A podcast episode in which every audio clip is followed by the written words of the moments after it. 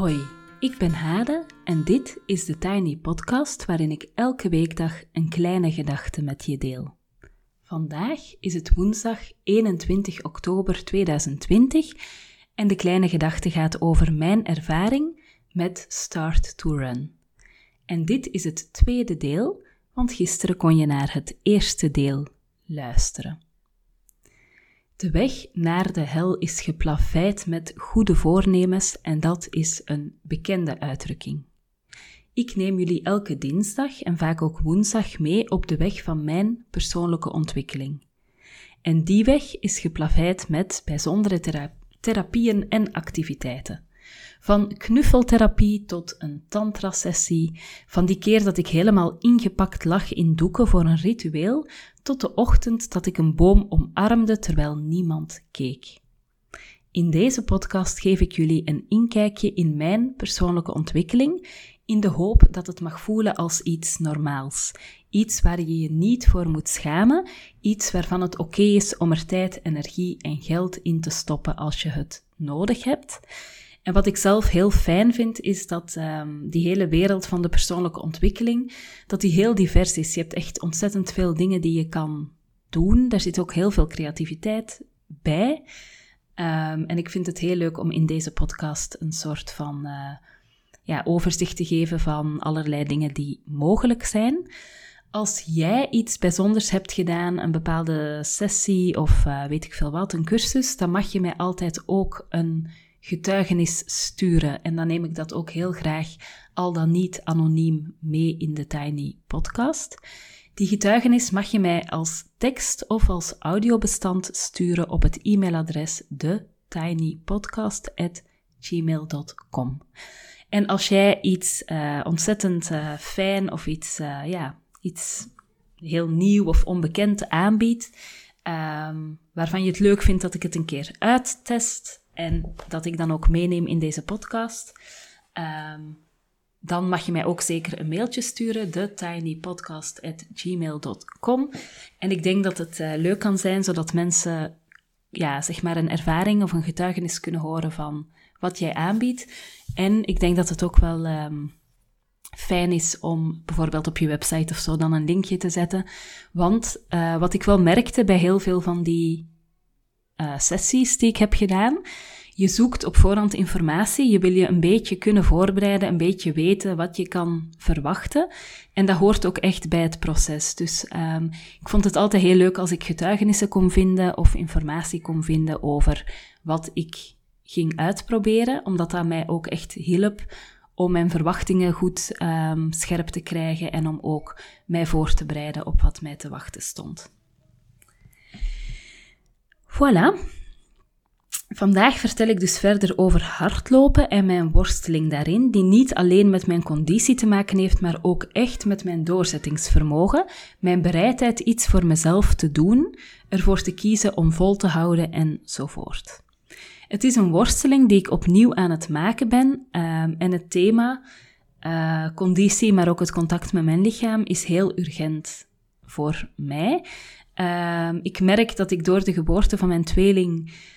Nou ja, de, ja, ik heb een hele tijd, omdat ik zwanger was en ik rust nodig had uh, om de geboorte zo lang mogelijk uit te stellen, heb ik echt heel lang in bed gelegen. En het slechtste wat je voor je lijf kan doen, is heel lang in je bed liggen. En ik bedoel echt dag en nacht, maandenlang. Um, dus als je dan weer uit bed komt, dan heb je en geen conditie meer, maar je hebt ook, uh, ja, je spieren zijn enorm achteruit gegaan enzovoort. Ik dacht toen dat ik het wel kon oplossen eenmaal de baby's geboren waren, maar toen zat ik uh, ongeveer, even uitrekenen, twee baby's, uh, minimum acht voedingen per dag, elke voeding per baby drie kwartier. Dus toen zat ik echt het grootste deel van mijn dagen zat ik gewoon voeding te geven op de bank of in bed. Uh, dus het heeft echt, ja, op dit moment zijn ze twee, ben ik nog steeds moe en merk ik dat mijn conditie, ja, dat ik er nog steeds niet aan toegekomen ben om er echt werk van te maken. En ik voel een, echt een heel groot verlangen om dat wel te doen. Um, omdat ik me steeds meer een hoofd voel met uh, een klein lijfje dat er, of ja, ik ben niet klein natuurlijk, maar uh, met een lijfje dat er aan bengelt. En ik wil mij ook echt heel graag een, een lijf voelen. Ehm, en zoals jullie weten ben ik facilitator, ehm, adviseur. Uh, ik geef cursussen rond persoonlijke ontwikkelingen, ontwikkeling. Sorry. En ik zie mijn lijf ook echt als een instrument eh, dat ik heel graag, waar ik heel graag meer contact mee wil krijgen, zodat ik dat instrument ook kan gebruiken in mijn werk. Voilà. De vorige keer uh, eindigde ik mijn verhaal over hardlopen bij de wedstrijd die ik gelopen had, waar ik best een mooie tijd had gelopen, 6 kilometer. En wat echt een uh, heel fijne ervaring is geweest voor mij. En dan uh, moet ik weer gaan hardlopen zonder dat ik ergens voor aan het trainen ben. De volgende keer dat ik moet hardlopen, zijn er geen mensen om in te halen. Er is geen parcours met supporters. Er zijn geen camera's die flitsen en er is geen adrenaline. We zijn op weekend. Ik denk dat we toen in Drenthe of zo op weekend waren. En ik besluit in het saaiste landschap ooit op een rechte weg te gaan hardlopen. Het Start to Run programma heb ik overwonnen. Ik zat nog maar aan les 14 en ik kon 6 kilometer lopen. Dus ik vind van mezelf dat ik wel een aantal lessen kan skippen. Overmoedig zet ik les 30 aan, ik verwacht, ik heb tijdens die wedstrijd 6 kilometer aan een stuk gelopen, goede tijd gedaan. Dus ik denk, ik kan wel uh, van les 14 meteen naar les 30 en ik zet het op een lopen. Maar alles doet pijn en het is saai. Ik vraag me heel de tijd af hoe lang ik nog moet. Ik heb echt geen zin. Het gaat helemaal niet zo vlot als tijdens de wedstrijd. Bijna vernederd doe ik achteraf mijn sportschoenen weer uit. De teleurstelling is zo groot dat het me veel moeite kostte mijn loopschoenen weer een keer uit de kast te halen. En dat is het patroon dat doorzet. Soms gaat het goed, of meer dan goed, en dan voel ik me krachtig, onoverwinnelijk en besluit ik meteen vijf flesjes te skippen. En dan komt er weer een terugval en merk ik dat ik gewoon het programma moet volgen, hoe saai het ook is en hoe frustrerend het ook lijkt. Ik jojo me door het programma heen. Acht maanden na mijn eerste lesje ben ik tot les 24 gejojoed. Ik heb al tien keer gedacht dat het bijna zo ver was, een moeiteloze 5 kilometer in 30 minuten. Zeker binnen de twee weken als ik zo door zou gaan. Maar het moment kwam nooit. Wat wel kwam? Dansende zwarte vlekken als ik liep tijdens mijn menstruatie. Pijn en ellende als ik liep tijdens mijn premenstruele periode. Op een dag sta ik het lief op te wachten aan de finish van een halve marathon die hij loopt. Pas na 46 mannen finisht de eerste, dus beste vrouw. Vrouwen hebben dus een nadeel bij het hardlopen, besluit ik, en dat is alweer genoeg om twee dagen lang kwaad te zijn op mijn loopschoenen. Ik merk dat het hardlopen mijn hele karakter spiegelt. Als het goed gaat, wil ik met een ruk vooruit en ga ik over mijn eigen grenzen heen. Als het slecht gaat, vind ik het moeilijk vol te houden. Ik kan slecht tegen saaiheid en regelmaat. Wil ik even een nota aan toevoegen dat het dus een wonder is dat ik al meer dan 100 uh, eh, tiny podcasts uh, heb gemaakt. Want het is ook iets wat regelmaat heeft en dat is voor mij altijd heel moeilijk. Ik wil graag dat dingen flitsend en spectaculair zijn en dat is nu eenmaal nooit het geval voor een beginnend loper. Start to run is vooral saai voor mij. Drie keer per week je loopschoenen aan voor een loopje met Evie. Zo eentje waarbij ze dicteert wanneer je moet lopen, wanneer wandelen, waarbij ze regelmatig zegt hoeveel je al hebt gelopen, hoeveel calorieën je verbrand hebt en wat je gemiddelde snelheid is en dat ze fier op je is, dat ook.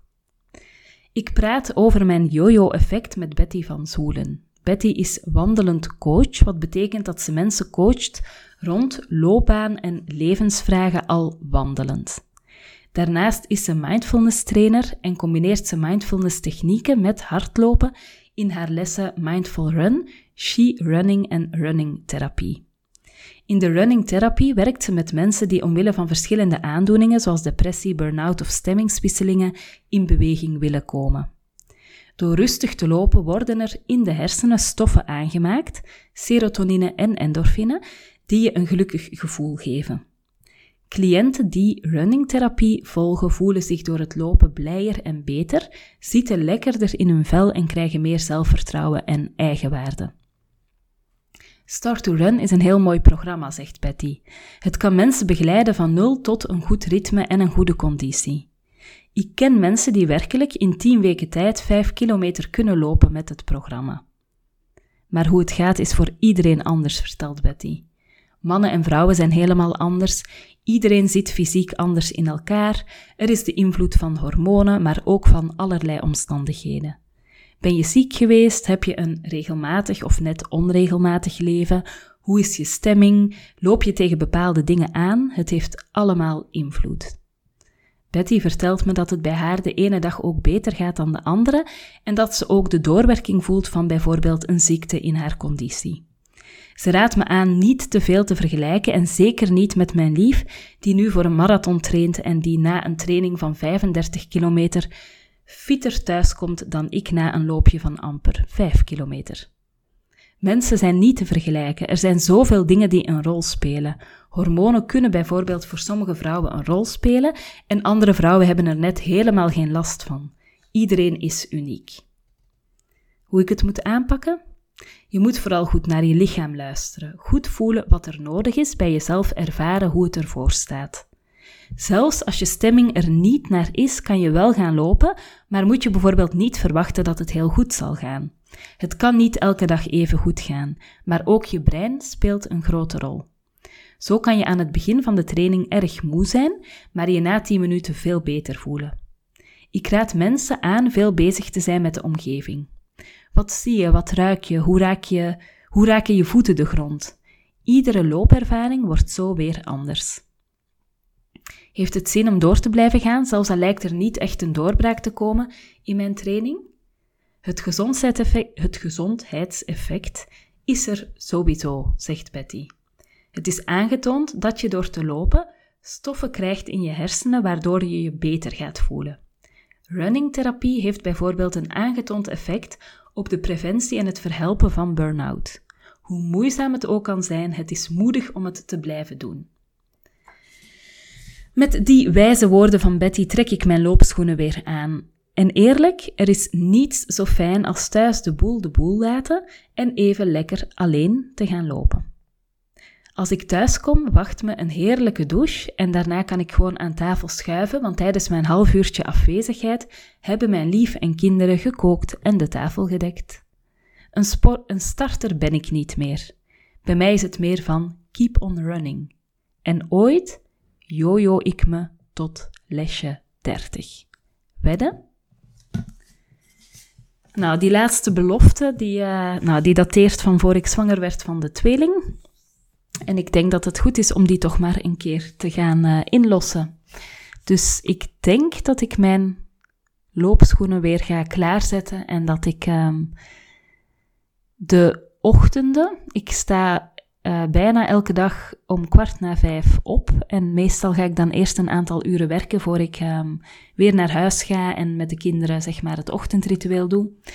Maar ik denk dat het best handig zou zijn om dan een stukje van die ochtendroutine, of van de ochtend, uh, ja, die early morning zeg maar, te gebruiken om uh, hard te lopen. Um, en ik denk in het bijzonder dat het goed is om het ochtends te doen, omdat ik s'avonds vaak heel moe ben en um, ja, zo de hele dag met mij mee zeul. En dat ik dan nog heel weinig wilskracht over heb om loopschoenen aan te trekken en wat te gaan doen. Dus um, ik ga, denk ik, de uitdaging weer aan voor mezelf. Uh, en ik ga mij tot lesje 30 jojoen. Uh, wordt absoluut vervolgd.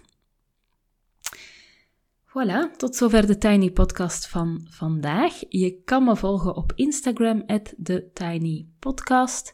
Je helpt me door deze podcast wat sterretjes te geven op iTunes, een review achter te laten en of hem door te sturen aan iemand anders die er misschien ook graag naar luistert. Dankjewel om te luisteren en heel graag tot morgen.